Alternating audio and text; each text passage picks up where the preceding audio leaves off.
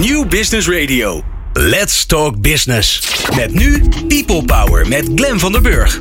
People Power is een programma over de kracht van mensen in organisaties. Met interviews en laatste inzichten voor betere prestaties en gelukkige mensen. Deze week gaat Glen van der Burg in gesprek met... Wim Tielemans, Martine Veger, uh, Malon Hamon Giraldi en Chantal Heuting. Vier gasten zelfs in de studio en dat in onze 150ste aflevering.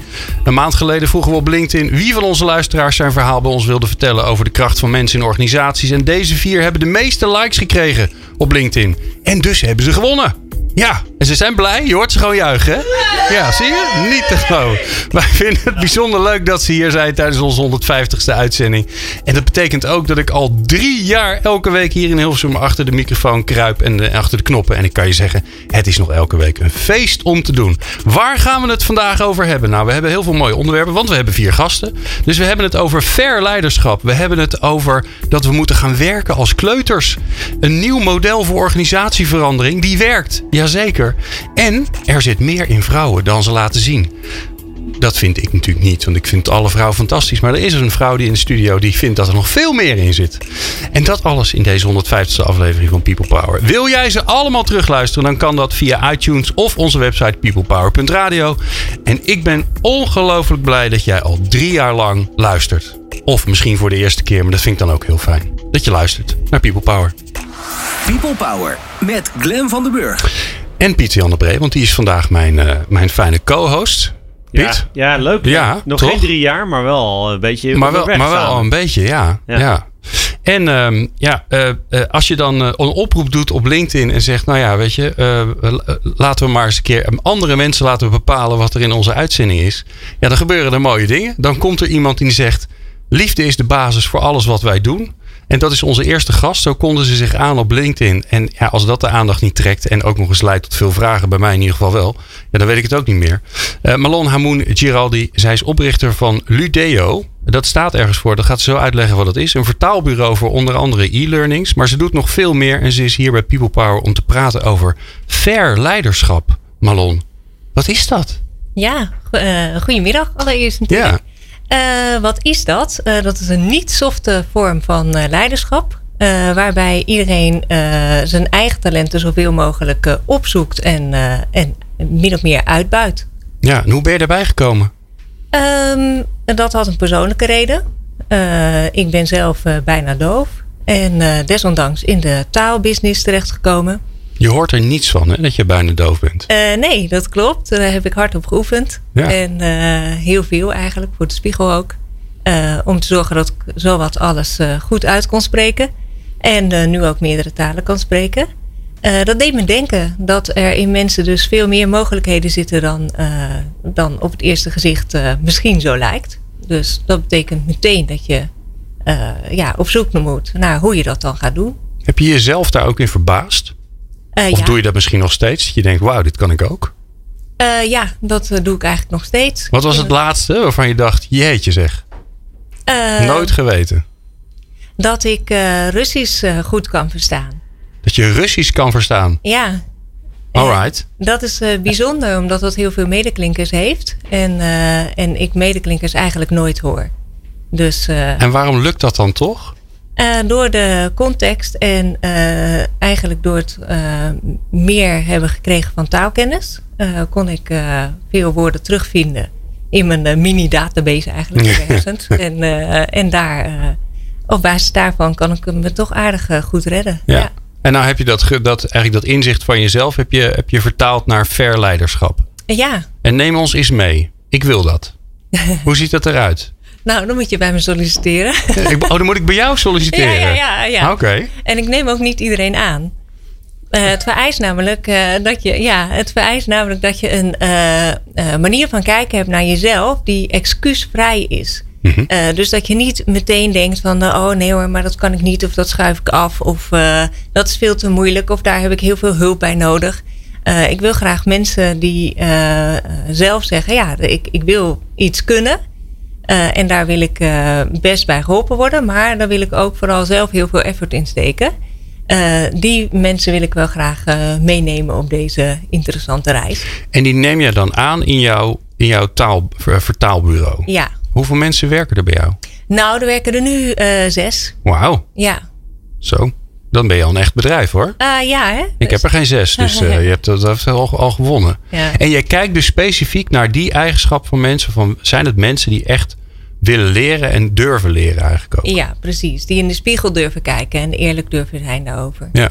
Maar je kan bij jou niet, uh, je kan bij jou niet een cursus verleiderschap doen. dat zou misschien best wel in de toekomst mogelijk kunnen zijn. Dat weet ik nog niet. Ja, maar nog niet. Nee. Ja, dus het gaat, ver gaat niet over jou, maar gaat over degene die bij jou werkt. Ja. Want die moet ver zijn. Uh, ja, en dan krijg je ook uh, dat je open kunt staan voor echt leiderschap. Anders niet. Dan wil je geholpen worden of aan het handje meegenomen of uh, beroep je je op al je rechten. En, en met verleiderschap is dat eigenlijk niet zo. Daar werk je samen.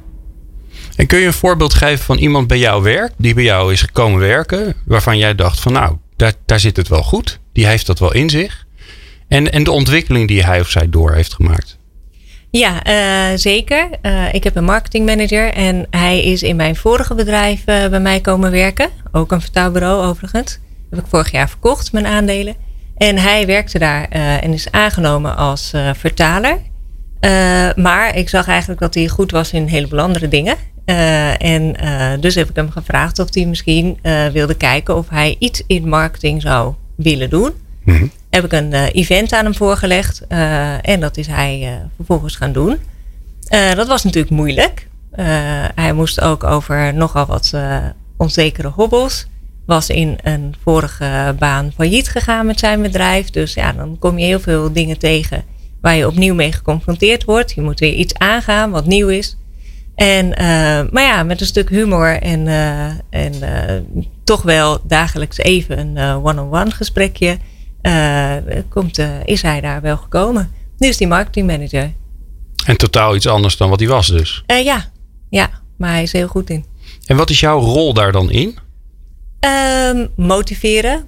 en hoe doe je dat? Uh, vooral eigenlijk met humor, moet ik zeggen. Uh, ik probeer ergens een grap van te maken over iets wat vooral heel fout is gegaan. En, um, en daarvan uh, van te kijken, oké, wat heb je daar nou eigenlijk aan? veeg die modder eens van je gezicht en kijk nu eens wat daar achter zit. Wat heb je eraan gehad? En ja, dat leidt, als mensen echt willen kijken, leidt dat tot echte groei. Heb je nog wel een leider nodig als je, als je, als je ver bent? Want je vraagt, hè, het gaat over de mens die bij jou werkt. Die moet eerlijk zijn. Hè? Die moet eerlijk zijn naar zichzelf en naar zijn omgeving. Als je dat bent, heb je dan nog wel een leider nodig? Ja, dat is mijn dagelijkse vraag uh, ook, ja. Ik, uh, ik weet dat niet. Ik denk eerlijk gezegd dat niemand dat echt nodig heeft. Uh, maar ja, op het moment dat, uh, dat je in een organisatie zit en je bent daar de leider, dan soms moet je ze de eerste hobbel zelf laten nemen uh, onder begeleiding. En daarna, ja, geen opkijken meer naar eigenlijk. Heb je nou al gehad dat je, wat je, als je iemand aanneemt, dan heb je altijd een beslismoment. Dat je eigenlijk op basis van veel te weinig moet je toch zeggen: Oké, ik, ik denk dat het toch goed gaat komen. Um, heb je nou al gehad dat je, dat je iemand aannam en dat je merkte van ja, dit, dit, deze durft toch niet ver genoeg te gaan, is niet genoeg in verbinding met zichzelf om, om, om bij mij te werken? Uh, ja. Ja, en dan? Dan uh, ga ik ermee praten. En uh, meestal vertrekken ze dan. Ja. Want dan schrikken ze zo van je? Ja. Echt waar? Wellicht. Ja? Ik weet het niet. Nou, ik denk het wel. Ja, je moet er ook een beetje aan toe zijn. En dan, dan kunnen ze beter misschien ergens anders gaan werken. En als je nou kijkt naar de wereld om, om je heen, hè, want onze luisteraars die horen dit en die, die denken ja, hartstikke mooi, maar wat, wat boekt ermee? Waarom is het belangrijk dat andere mensen of organisaties dat die hiermee aan de slag gaan? Wat hebben ze eraan? Uh, meer uh, talentontwikkeling en vaardigheden in hun organisatie. Het is voor de mensen zelf, de teamleden, ook veel leuker om echt te doen waar zij goed in zijn en waar hun echte talenten liggen, dan mm. een soort van baan te vervullen. Dus ze zullen meer plezier krijgen in hun werk, waardoor eigenlijk de hele werksfeer natuurlijk opgekrikt wordt. Dus ik denk dat het heel belangrijk is dat mensen daar meer naar gaan kijken. Ja. Het klinkt een beetje ook als de, de, de missing link die je toch vaak in organisaties ziet als ze bezig zijn met nou ja, een leven lang leren of jezelf blijven ontwikkelen of wat is je volgende stap. dat toch een beetje, dat mist heel vaak. Dat mensen een beetje ingezakt zijn en denken van nou, het komt af. Ze denken het niet eens, maar ze, ze, ze gaan er een beetje vanuit, het komt allemaal wel goed. En, jij, en bij jou uh, is daar geen plek voor? Nee, het komt nooit vanzelf goed. Het komt vanzelf misschien oké. Als in, misschien halen ze daarmee een 6. Ja. Dat, dat, moet je niet per se goed genoeg vinden. Nee. Uh, als je echt wil groeien, dan doet het ook hier en daar een klein beetje pijn. Maar de, je, je overwinning, zeg maar, aan het eind is, uh, is groter. Heb je een laatste, heb je een laatste tip voor onze, voor onze luisteraars? Je zit nu te luisteren en denk, ja, dat zou ik ook wel willen. Maar ja, hoe moet ik dat doen? Waar begin ik? Uh, nou, stuur me gewoon een mailtje. Dat, dat sowieso. Altijd een mailtje sturen. Pas op wat je zegt, hè? ik weet het. Uh, nou ja, uh, begin bij jezelf, zou ik zeggen. Als, als beste tip. Want ik denk dat het heel belangrijk is dat je zelf dat proces ook durf, door durft. Ja. En niet tegen een ander gaat vertellen, ja, ga je gang. Maar ik weet niet hoe het aan die andere kant van de tafel is. Maar nu ga ik beginnen. Ik wil beginnen bij mezelf. Wat moet ik doen? Uh, nou, eerst eens kijken of je uh, excuses maakt waarom je bepaalde dingen niet doet. En, uh, en dan niet bij het eerste antwoord op die vraag meteen denken dat dat het juiste antwoord is, maar nog een paar keer doorvragen. En hoe doe je dat dan? Moet ik gaan zitten en nadenken? Moet ik gaan wandelen? Moet ik een boekje vol schrijven? Moet ik een lied schrijven? Moet ik gaan zingen? Nou, dat kan je allemaal doen, zou ik zeggen. Allemaal? Ja, wat het beste bij je past. Ja, ja. Alright. Ja. Mooi.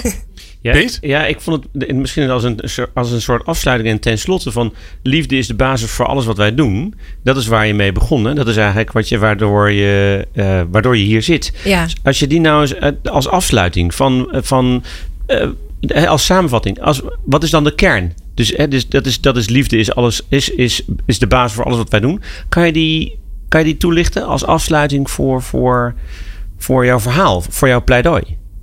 Um, ja, dat is natuurlijk een beetje moeilijk om dat heel kort te En ik wou net zeggen, dat in twee zinnen. Uh, hè? Veel succes. Daar, daar ga ik mee aan de gang. uh, um, ik denk dat als je uh, echt met jezelf ehm, wil werken, of ook in een team wil werken ehm, met al je talenten, of met in ieder geval een aantal talenten.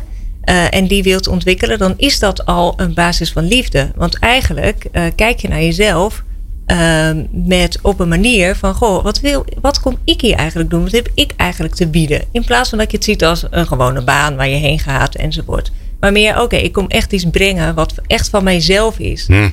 En dat moet je al omarmd hebben uh, bij jezelf, uh, als, je, als je dat überhaupt wil aanbieden aan, uh, aan anderen. Dus ik denk dat die liefde eigenlijk als ondergrond voor ver leiderschap, maar ook ver teamdeelnemerschap ligt.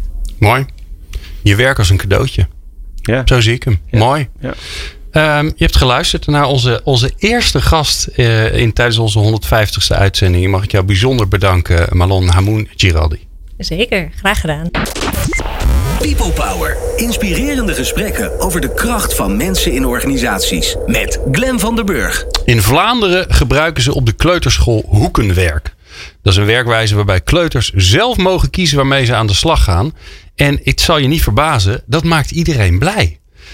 Maar ja, waarom zou dat op het werk eigenlijk niet kunnen? We hebben een eh, internationale gast. Want uh, Wim Tielemans is managing partner van uh, Dinoma. Dinoma, Dynamo toch? Ja, die, ik heb het helemaal verkeerd opgetikt. Dynamo New Generation Training. En hij is een pleitbezorger van hoekenwerk op het werk.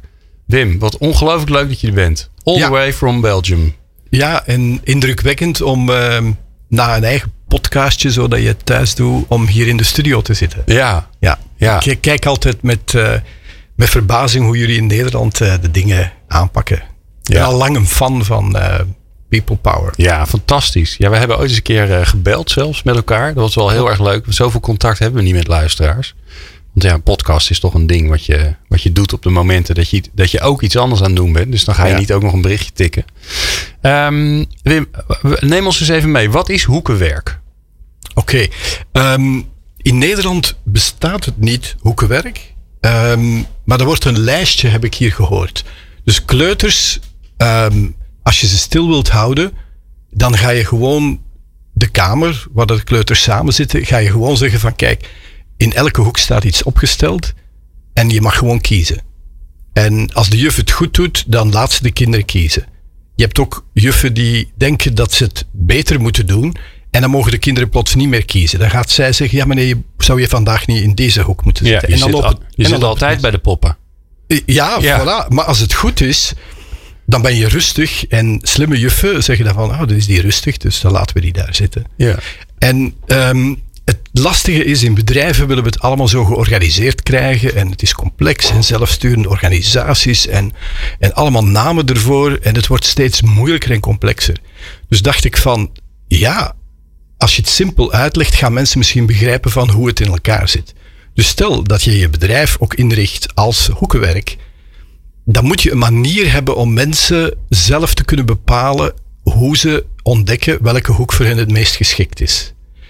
En dan, eh, ja, dan heb je competentiemanagement van de jaren negentig. Ja, dan moeten we allemaal weten welke competenties we hebben. Of iemand anders weet dat dan beter voor ons. En dan zeg je, oké, dat is één meetinstrument.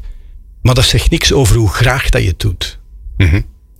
En hoe graag dat je doet, ehm, ben ik al lang op zoek, want dat heeft over motivatie te maken. Ik ben altijd gepassioneerd geweest van, oké, hoe werkt dan uw motivatie? En eh, na mijn lange zoektocht heb ik daar attitude gevonden als de manier om, attitude, eh, om motivatie in kaart te brengen. En dus als je dus twee assen neemt, hè, als de luisteraar gewoon een as tekent en die zegt oké, competentie hoog of laag, hè, of goed in de plus en min, hè, niet goed, en dan attitude aan de andere as, dan heb je eigenlijk vier hoeken. Ja. Dan heb je een kwadrant met vier vakken. Precies. Ja. En in het kwadrant waar we eigenlijk allemaal het liefste zitten, ja, heb ik genoemd de sterhoek. Ja, daar zit je als koning te rijk. En dan zit je met je attitudes en met je competenties zit je gewoon in het groen. Dat doe je graag en daar ben je goed in. Ja. Maar spijt genoeg zijn er ook nog drie andere plekken. En je kan, ja, je kan, sommige werk kan je niet anders dan dat je ook in die andere plekken zit. En de eerste verkeerde vorm, dacht ik, van eh, wij zijn, eh, wij zijn de koning. En de, de vier andere hoeken, dus ik zal misschien beginnen met eh, de hoek naast de koning, dat is eigenlijk de engelenhoek. Dus de engelenhoek is waar je met je attitude goed zit, maar waar je met je competentie niet goed zit. Oké. En dan Dus je, heb je, doet, daar... je doet heel gemotiveerd werk wat je, waar je niet goed in bent. Ja, en dat is vaak eh, als we een collega hebben die heel lief is, maar die eigenlijk niet zo goed erin is, dan ontzien we die en dan zeggen we: Goh, zou jij misschien, ik ga nu even banaal doen, dan ga, ga jij misschien ja, het, het eh, verzamelwerk doen en dan doen wij het analysewerk. Hè? En, en ja, dat is, dat is spijtig, maar af en toe is het ook oké. als, je, als je jong bent en, en je bent eh, een stagiair, ja, dan, dan vind je het oké dat, dat je het in het begin nog niet goed doet, maar dat je wel lief bent en dan mag je erbij horen. Ja. Hm? Dus die dus- hebben we. Dat is rechts, Ja. rechtsonder. Hè? Dus rechtsboven hebben we gehad. We hebben nu rechtsonder gehad.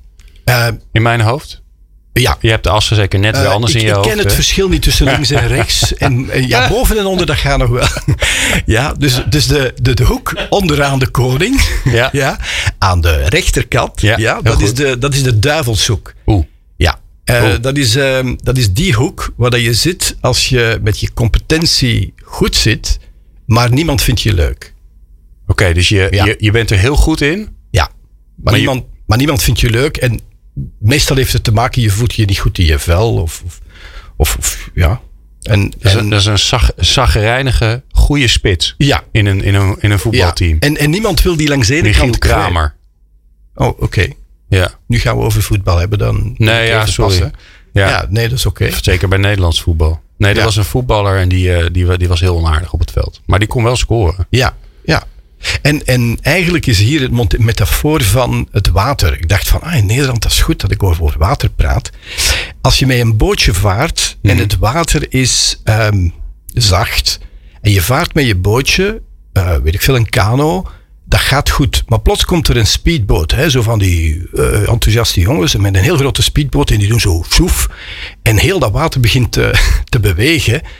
Dan is eigenlijk wat je doet, heeft een impact op hoe ik nu zelf in mijn werk zit. En, en dat, is eigenlijk, eh, dat is eigenlijk spijtig. Die man die in, of die vrouw die in de duivelshoek zit, die beseft niet dat door dat hij iets goed doet, maar toch iets mist, dat hij eigenlijk deining bezorgt voor de anderen. En dan Ja, heb je ja, het ja. lastiger. Zeker als het over klanten gaat bijvoorbeeld. Ja. En, en, hebben we er nog één over. Ja. Toch? Ja, en dat is de dwaashoek. ik, heb, ik heb een uh, boek geschreven, Slim Interviewen. Dus ik kom vaak met recruiters in contact. En ja, dwaashoek, zij zeggen... Die kan niks en die is ook niet leuk. Wie heeft die in hemelsnaam binnengelaten en waarom zit hij hier nog?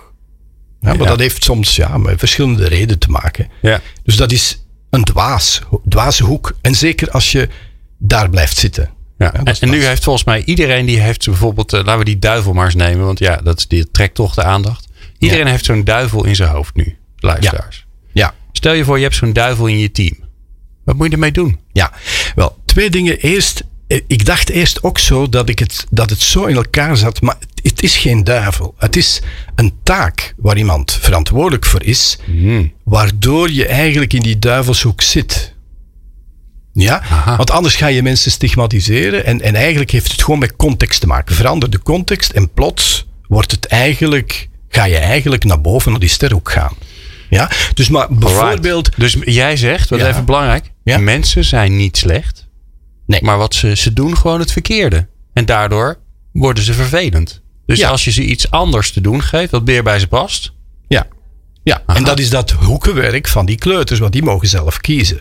Oké. maar die, Ja, dus die in- duivel zit toch in die hoek waar hij wel goed is in wat hij doet.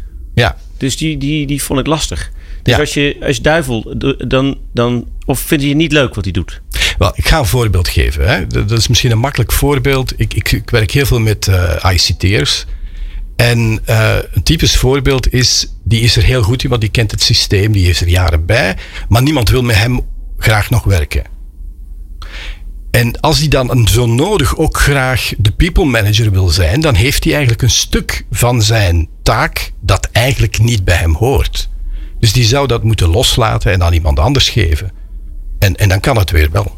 Ja, ja, ja, ja, ja. ja. Oké. Ja, helder? Ja.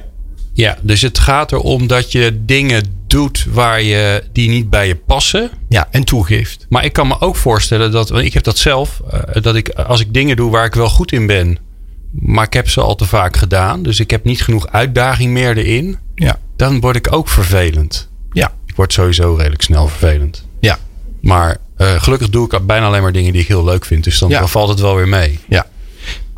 En dat is ehm, voor jou waarschijnlijk makkelijker als je, als je alleen bent. Ik heb alleen grote kleuterschool, Wim. Ja. Kijk maar om je heen. Dit is één grote speelhoek. Dit. Ja. ja. Hè? Maar dat is voor mensen in. eh, we hebben straks hebben de Nederlandse Spoorwegen. Hè? Dat is een heel grote organisatie. Ja, mensen die luisteren, zullen zeggen: ja, maar ja, bij ons, eh, sorry, maar we gaan niet iedereen zomaar eh, even gaan verschuiven. Dus je moet ergens een kader natuurlijk behouden.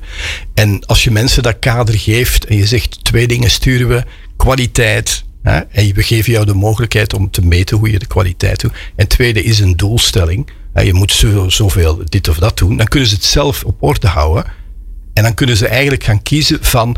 Want je geraakt niet in je taak met alles in die sterhoek. Dat is het Nee. spijtige. Nee. Ja? Dus sommige juffen zullen eens zeggen van ja, je hebt nu zoveel keren met de poppen gespeeld, maar nu is er eh, hier tekort en ik ga nu vragen aan jou dat je eens mee gaat kleuren. Ja, je Ja, moet en ook plots, kleuren. Ja, en, en plots ontdek je van, hé, hey, kleur is ook leuk. Ja. Maar de grap is dan ook weer dat de manier waarop je dat doet weer wel, wel heel bepalend is. Want als Ja. een- tenminste, ik merk dat bij mij als iemand zegt je moet nu dit gaan doen, Ja. dan gaat het meestal mis. Ja. Dan word ik uh, schiet ik in het rood. Narrig. Terwijl als iemand.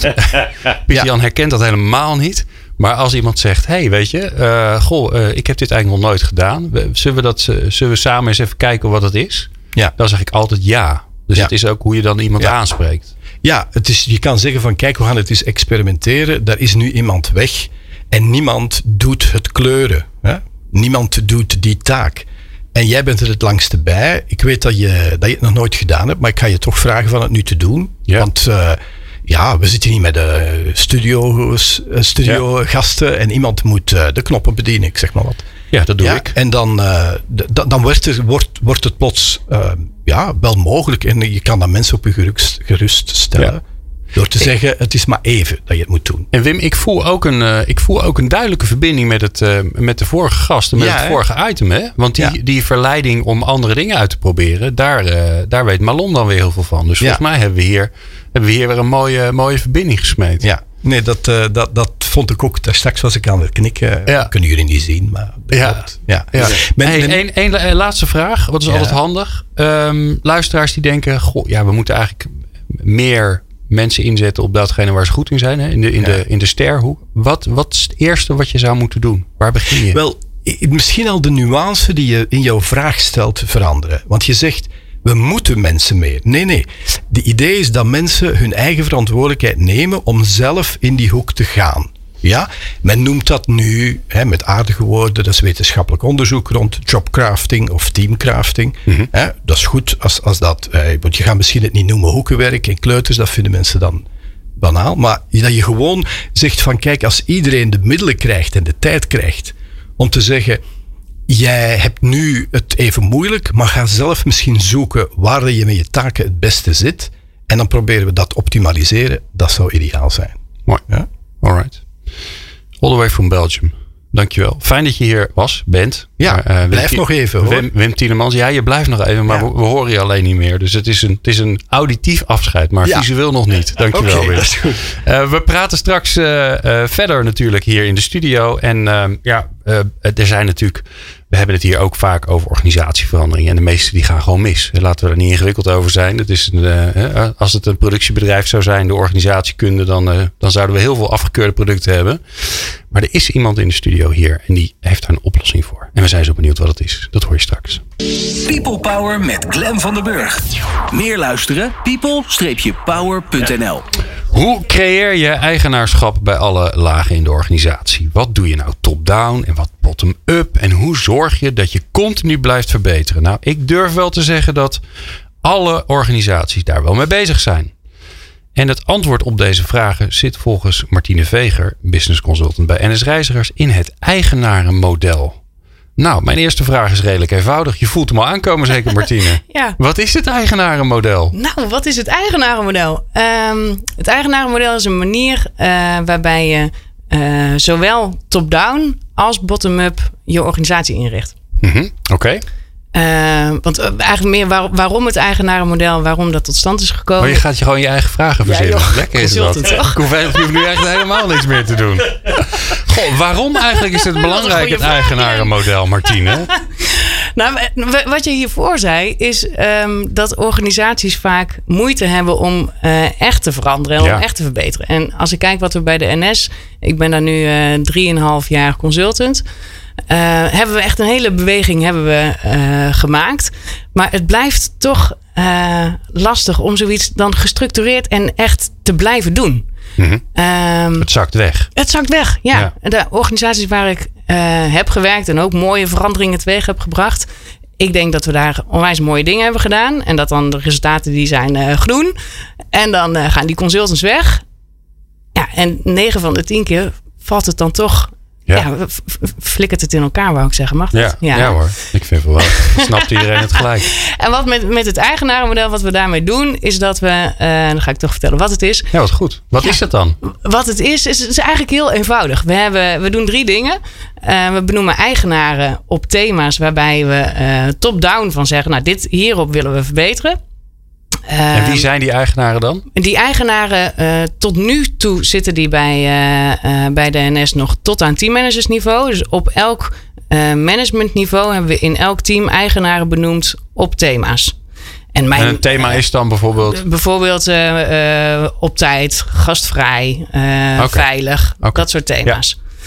Ehm, en die, die eigenaren die eh, hebben de, de rol om eh, te zorgen dat dat thema continu verbetert. Overal. Overal. Oké. Dus, dus voor de eh, teammanager die eigenaar is van op tijd rijden, die heeft de verantwoordelijkheid om continu te ver- verbeteren op het thema op tijd rijden binnen eh, zijn of haar regio. Ja, ja, en dat is anders, want normaal is er dan een hoofdkwaliteit of een manager op tijd rijden. En die moet dan met een afdeling staf, op eh, tijd rijden. een- moet dan precies. zorgen dat alles op tijd gaat rijden. En Ja. iedereen denkt dan toedeledokie. Ja, ik buk even, wijs Ik heb over. andere dingen aan mijn hoofd. Precies. Ja. En, en wat, we, wat we nu doen, is dat die eigenaar die haalt op bij medewerkers. Wat heb jij nou nodig om op, Op tijd, te rijden? Ja. En eh, voorheen deed, deed een teammanager dat ook. Die ging ook de trein op om op te halen bij medewerkers. Wat heb jij nodig? Eh, maar die teammanager moest dat voor tien andere thema's ook doen. En wil je het, we werken met 8000 mensen hè, in de organisatie waarin we dit dus nu doen. Ehm, wil het dan van die teammanager naar die, eh, de, de maakfabriek, hoe je het ook noemt. Hè? Dus naar, naar De eh, mensen die het echte werk doen. Nee, nou, nou, ander- andersom. Dus wil je het Oh. van de mensen die het echte werk doen eh, krijgen naar eh, de ondersteuning, zodat je dat gerealiseerd kan krijgen? Ja, die hele route, die is super moeilijk. Dus, dus wat, we, wat we nu doen, is dat we, we hebben dus die eigenaren.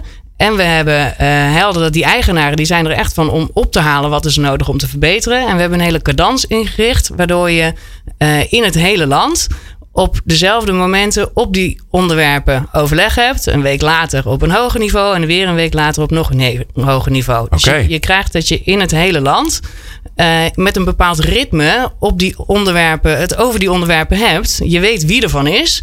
Eh, en je brengt het veel sneller landelijk, zodat je landelijk van elkaar leert. En zodat je ook dingen geregeld krijgt. En dat laatste, dat je dingen geregeld krijgt. Dat is, eh, gaat het meestal mis, hè? Ja. En waarom lukt dat dan nu wel?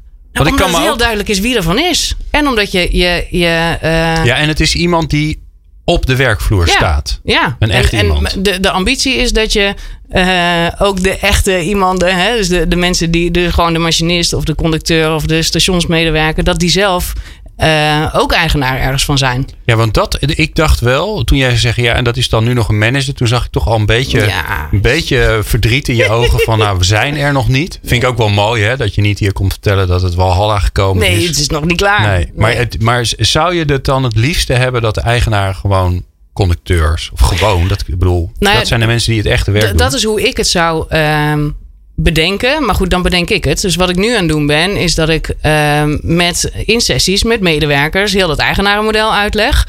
Eh, vertel wat de bedoeling ervan is. En dan zeggen de medewerkers die zeggen: oh, eindelijk. Ja, echt waar? Ja, ja, want me- medewerkers die lopen elke dag lopen zij tegen dingen aan.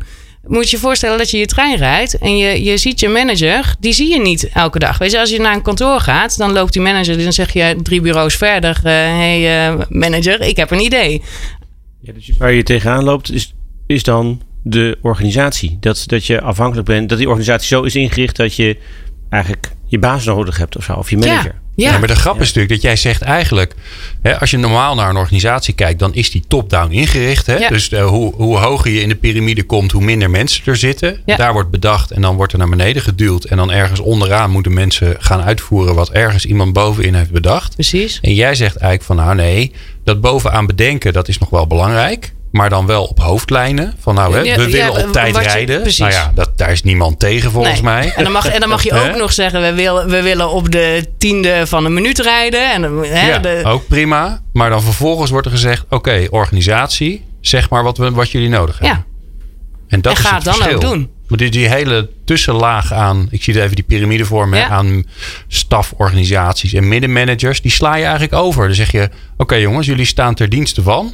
Ja, want Dit je is- slaat ze niet over. Je, je, eh, eh, je gebruikt hen wel om het verder de organisatie in te krijgen. En hoe zorg je ervoor dat zij niet in de wereld, anders gaan zij weer in de weerstand. Dan krijgen we dat weer. Dan gaan ineens alle Ja, nou ja. staforganisaties zeggen: ja, hallo, wij zijn niet betrokken.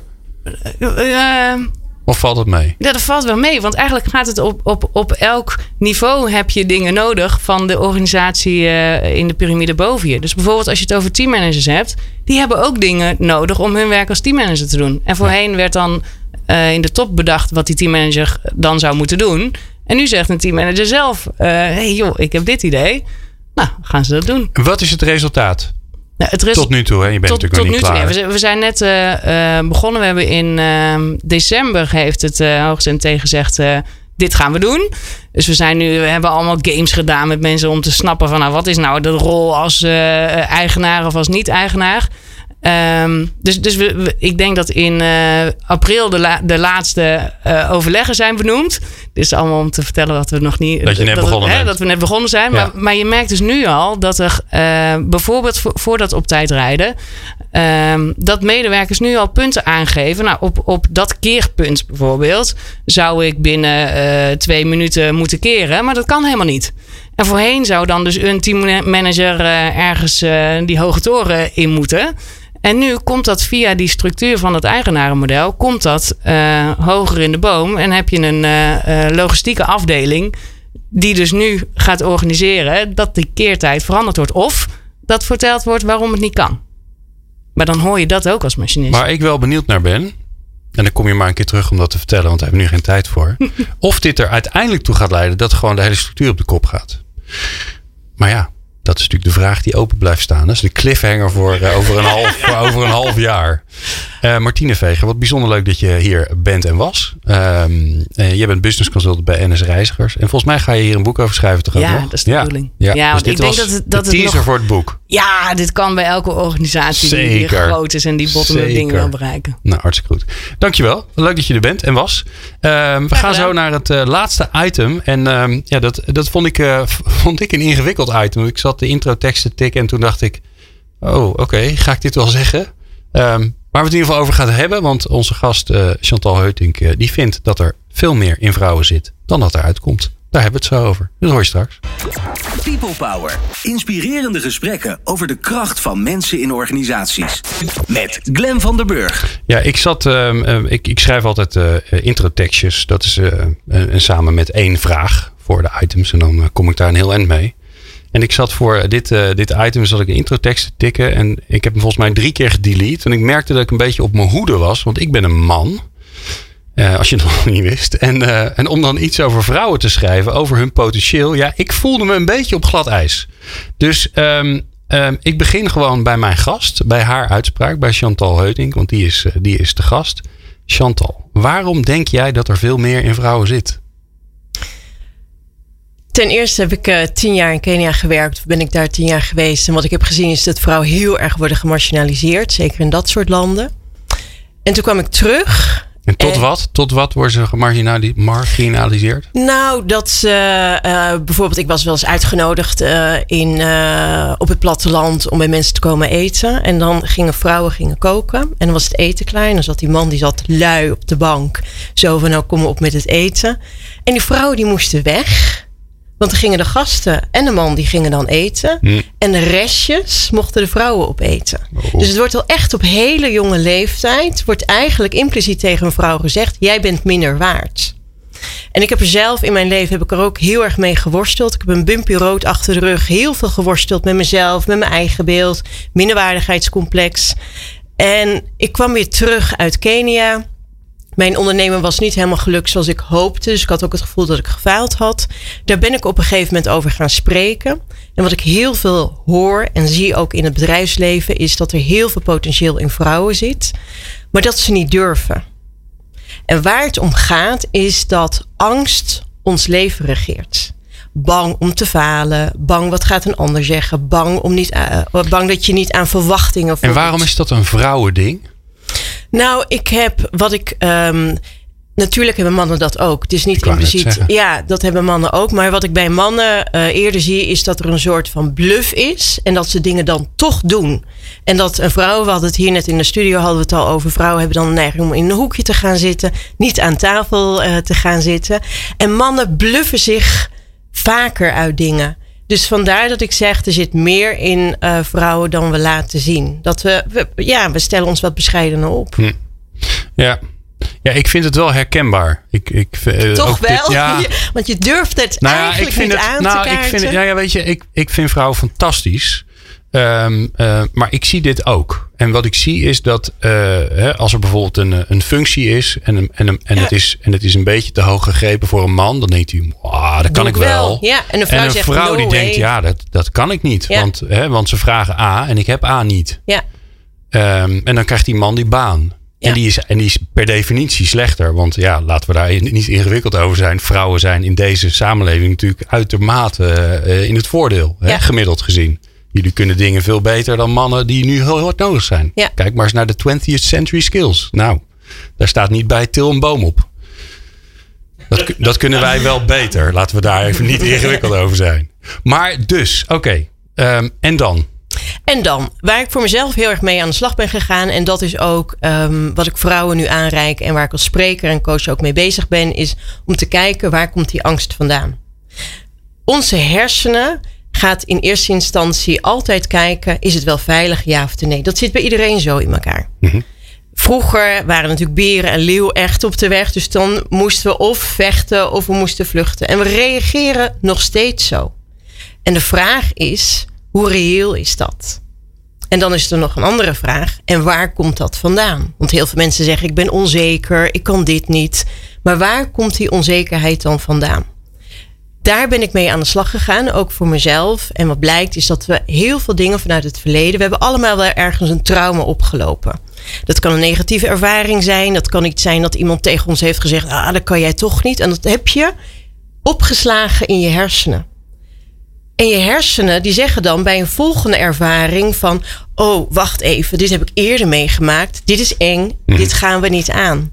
Ja. Dus waar gaat het om, is dat we echt terug kunnen gaan naar die vorige ervaring. Die echt, ik zie het voor mezelf altijd als een, ehm, een moestuin waar heel veel onkruid in zit. Je kunt onkruid gaan wieden, maar als je het niet met wortel en al eruit haalt, Dan komt het weer terug. blijft het elke keer weer opkomen. Mhm.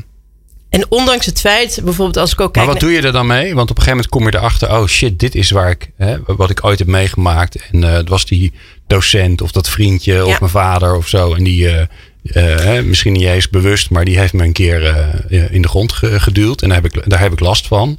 En dat blijft zich nu herhalen, dat patroon. Ja, En dan? Waar het om gaat is dat je de emotie van die ervaring eraf haalt.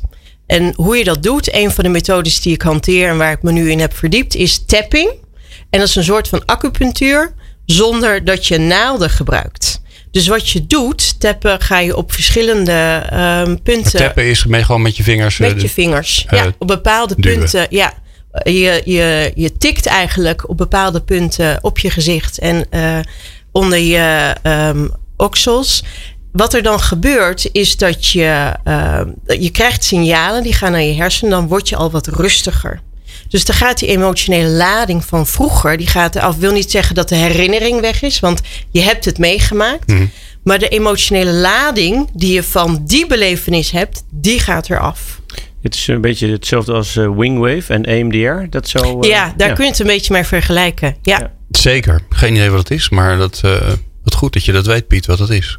Ja. Ja. Ja. dat stond ook ooit in het boek van het brein als medicijn van, eh, ik weet niet meer hoe die, eh, maar dat was een arts die inderdaad liet zien wat het effect is eh, voor trauma's. ja, En eh, Ja. hoe dat werkt om, eigenlijk door een soort kliksysteem, wat jij ook noemt, eh, om dat weg te, te halen. Maar is het, Ja. wat ik me voor kan stellen, is dat je daarmee eh, dat, dat gevoel, doordat je ook fysiek wat doet, dat je, het, dat, je, je, dat je het naar je bewustzijn haalt. En dat je ook even denkt van, oh weet je, daar ga ik weer. ja. En dan moet ik dus niet, nou ja, moet ik niet doen. Dat, dat is nu niet, het laat is ik een niet voorbeeld, relevant. ja, laat ik een voorbeeld geven van mijn eh, eigen leven, want dan is, wordt het misschien iets duidelijker. Ja, Ehm, ik heb nogal een dramatisch leven achter de rug. En ik, ik werd het op een gegeven moment zo. Het is bij mij altijd vallen, opstaan, vallen, opstaan. Denk, jeetje, wanneer houdt dit nou eens een keertje op? Ik ben zo zat. En toen dacht ik, en waar komt dit nou vandaan? En toen ben ik er dus letterlijk op gaan tappen. En toen kwam ik bij een ervaring dat toen mijn broer die ging altijd met hakken over de sloot, eh, ging die altijd over. En eindelijk haalde hij zijn diploma. En toen hij zijn diploma haalde, nou, mijn moeder die was echt heel emotioneel. En het was een feest en het was fantastisch, want eindelijk had hij het gehaald. Dus toen ik mijn diploma haalde, dacht ik, ik heb mijn feestje feest. klaar. Ja. Ik ben er helemaal klaar voor. En mijn moeder die keek mij aan. Ja, Chantal, ik heb het anders van je verwacht. En dat was voor mij als kind zo'n teleurstelling. Want ik had er heel hard voor moeten werken. Dat was niet zo zichtbaar. Maar weet je, ik had het wel gehaald. Maar ik kreeg er niet die waardering voor waarvan ik dacht dat ik die verdiende. Dat heb ik opgeslagen in mijn hersenen. Dus ik heb ervoor gezorgd, niet eh expres natuurlijk, dat ik elke keer dat patroon ging herhalen. Oh, ik moet drama in mijn leven hebben. Het moet moeilijk gaan. Pas dan krijg ik de waardering in mijn leven. Dus wij gaan, hebben patronen in ons systeem wat we steeds blijven herhalen. Als we dat patroon, die pijn, die emotie eraf kunnen halen, kunnen we als volwassen mens in het nu gaan reageren. Dat is waar het over gaat. Zodat die emotie, zodat je niet meer excessief of super emotioneel gaat reageren. Maar vanuit de rust, vanuit een stuk volwassenheid kunt reageren. mooi. En daarmee kun je dus iets wat je meeneemt van het verleden, eh, ja, niet je huidige gedrag laten beïnvloeden. terwijl het eigenlijk nergens Ja. op slaat. Ja, soms kan je wel eens heel excessief reageren. Dat je echt explodeert en denkt...